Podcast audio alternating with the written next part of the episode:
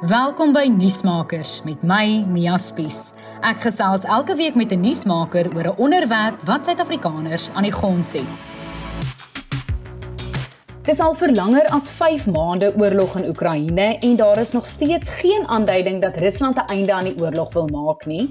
Hier op Nuusmakers gesels ons gereeld met Michelle Potgieter, 'n Suid-Afrikaner wat in Oekraïne woon.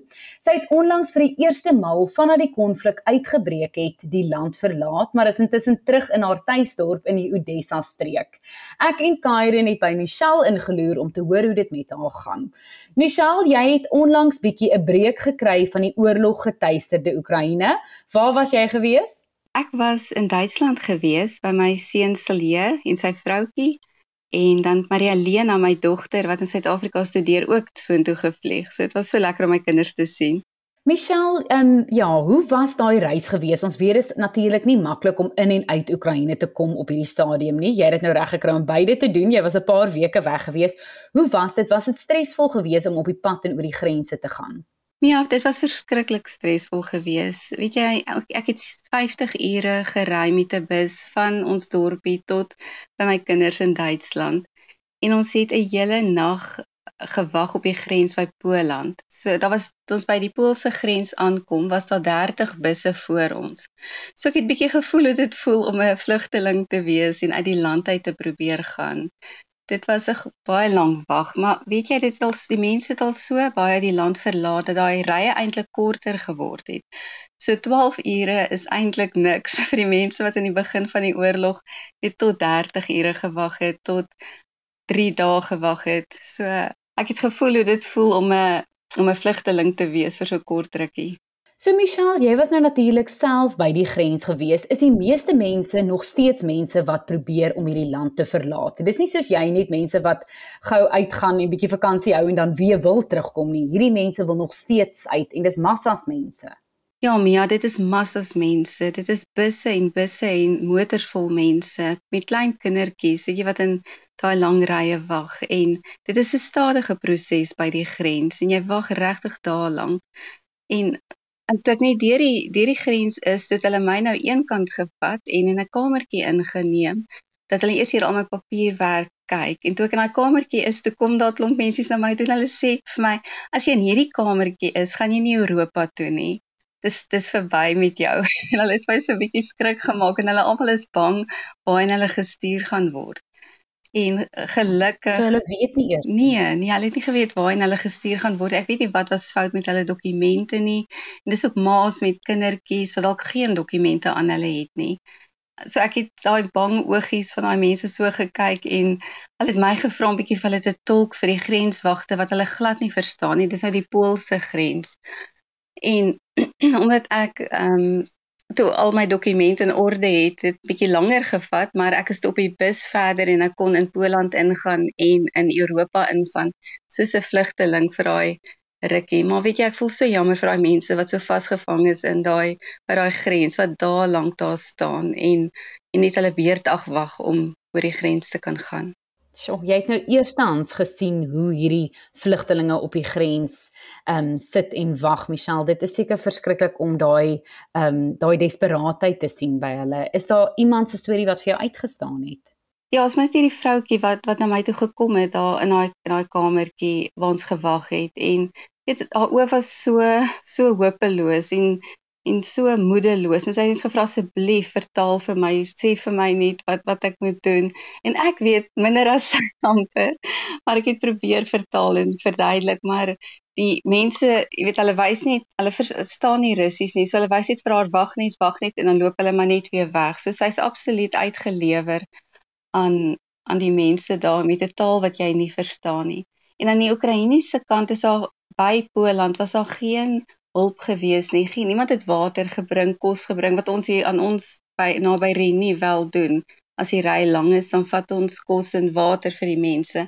Maar die Oekraïense kant, as jy maar net daar sit in daai bus en wag en wag met ons in Poland aankom, was daar wel 'n tafel, tafels met water, met kos wat mense net kon kom en net hulle kry en daar was 'n ontvangspunt vir die mense uit Oekraïne waar hulle dan dadelik geregistreer kan word en wat hulle um, na gekyk word sodra hulle oor die grens is. Maar aan die Oekraïense kant, dit jy kan nie dink nie, ja, dit is twee verskillende wêrelde so teenoor mekaar. Weet, aan daai kant van die van die grens het jy hierdie ook hierdie angstigheid en hierdie vrees wat jy kan sien waar mense sit en en bomme wat val en al die mense wat daar uitkom wil net met alle geweld uitkom. En loop jy oor die grens, dan sit Europa dis 'n ander wêreld. Jy kan nie dink die twee so word nie deur so grensdraad geskei nie. Dis regtig dit was vir my nogal erg om te dink net 'n paar kilometer van hier af lewe mense in soveel vrees. Michelle baie mense verlaat die Oekraïne. Jy was ook natuurlik die afgelope ruk in Duitsland waar jy by jou seun, jou dogter en jou skoondogter gekuier het. In plaas van om in Duitsland te bly, het jy besluit om terug te keer na die Oekraïne. Hoekom het jy dan nou juist besluit om terug te keer in plaas van in Duitsland te bly? Karen, dit is vir my regtig my roeping van die Here om terug te kom. Weet jy, terwyl ek daar was, sê almal vir bly hier. Ehm um, ek het nog vriende gesien van die kerk wat wat daar naby bly. Hulle sê ek bly hier, begin hier 'n gemeente, gaan hier aan. Maar ek kan nie, ek kan dit net nie doen nie. My hart is in Oekraïne en as ek met ons mense hier praat oor die telefoon, is my hart by hulle. Ek ek kan dit nie oor my hart kry nie. Ek kan nie vinnig genoeg teruggekom het nie. En dit was vir my so so ek maak nie saak op watter manier ek kon terugkom nie. Ek het later 'n geleentheid gekry saam met 'n vroutjie wat mediese hulp ingebring het en dit was 'n lang wag want ek het omtrent 'n week vir haar gewag om my te laai om te kan terugkom in Oekraïne en daai tyd het ek regtig net gesit en wag elke dag met my hele hart om terug te kom na my mense toe. Michelle, jy bevind jouself in 'n oorloggetuisterde land. Hoe affekteer die oorlog jou daaglikse rotine en is jy veilig?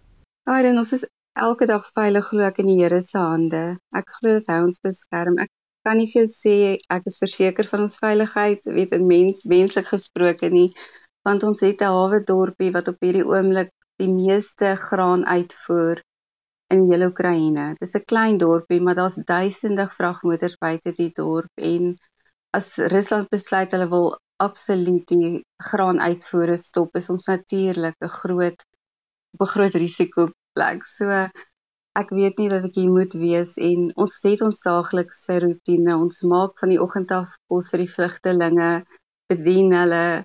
Ons gaan ons gemeente gaan aan, ons neem kospakkies uit vir gesinne vir vir ou mense wat alleen in woonstelle is. Die winkels het daar is nie so baie beskikbaar in die winkels nie. Dis duur en die pryse het opgegaan en ons mense is so arm. So ons doen as gemeente wat ons kan om mense te help.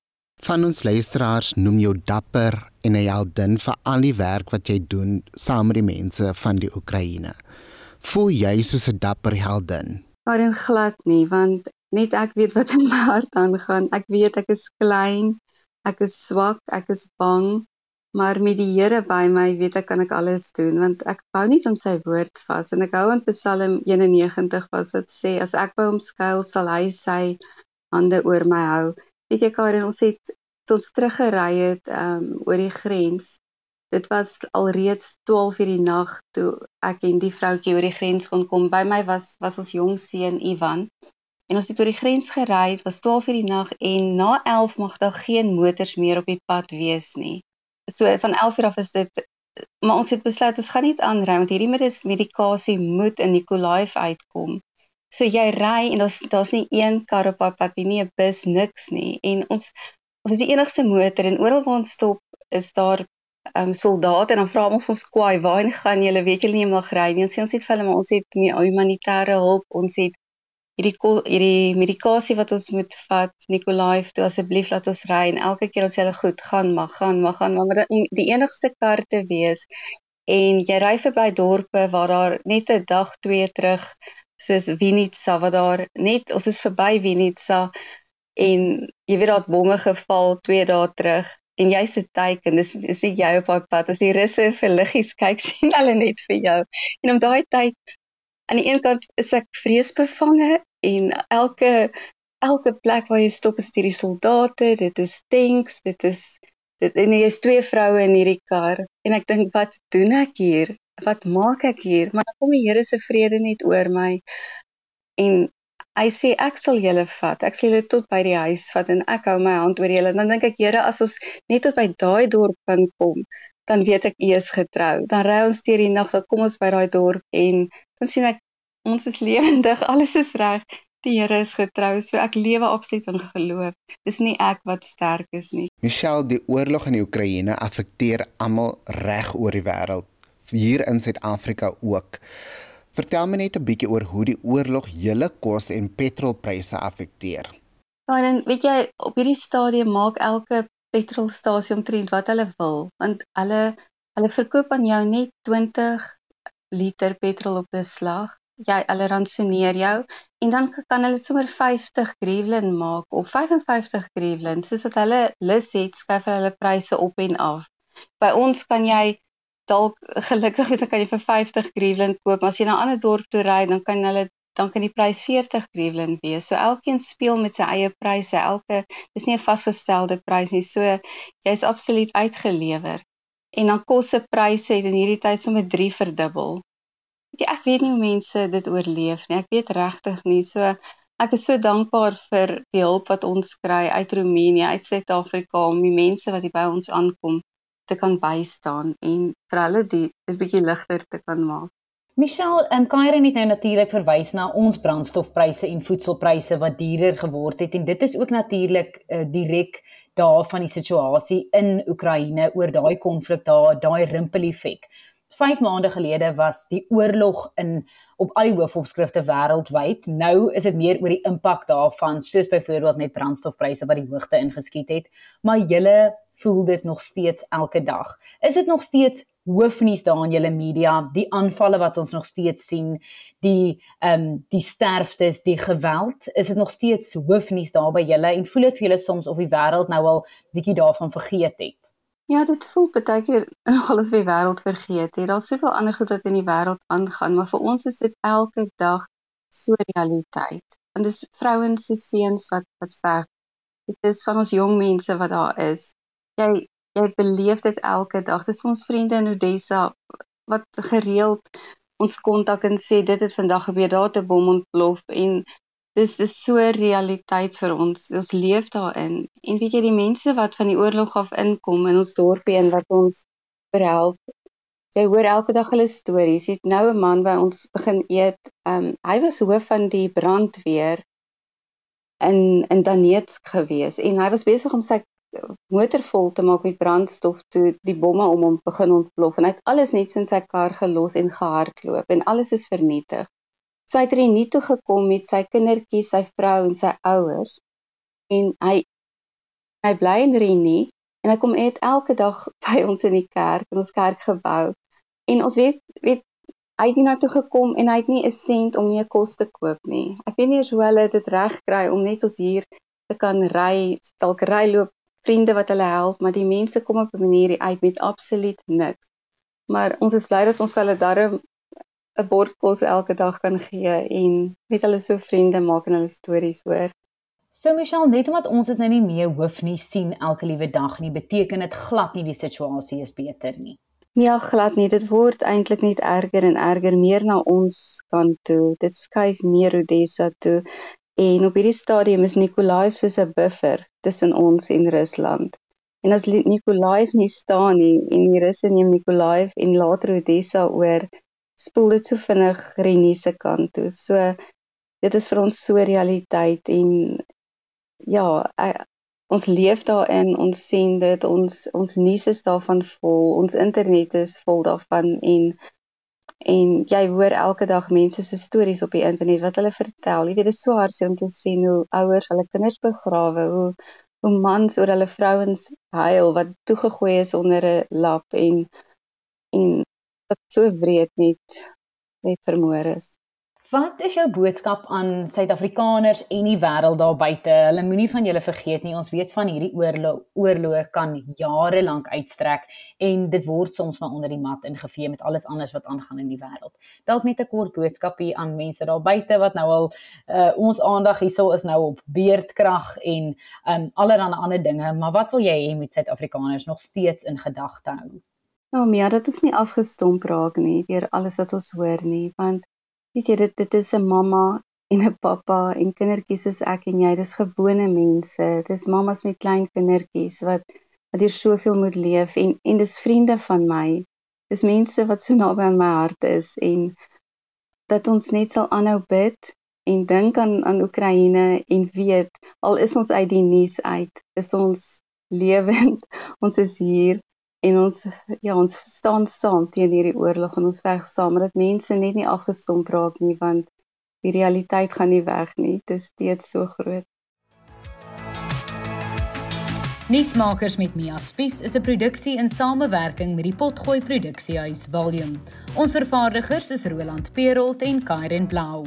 Moenie volgende week se episode misloop nie wanneer ek weer by 'n kenner aanklop om lig te werp oor 'n kwessie waaroor ons meer moet weet.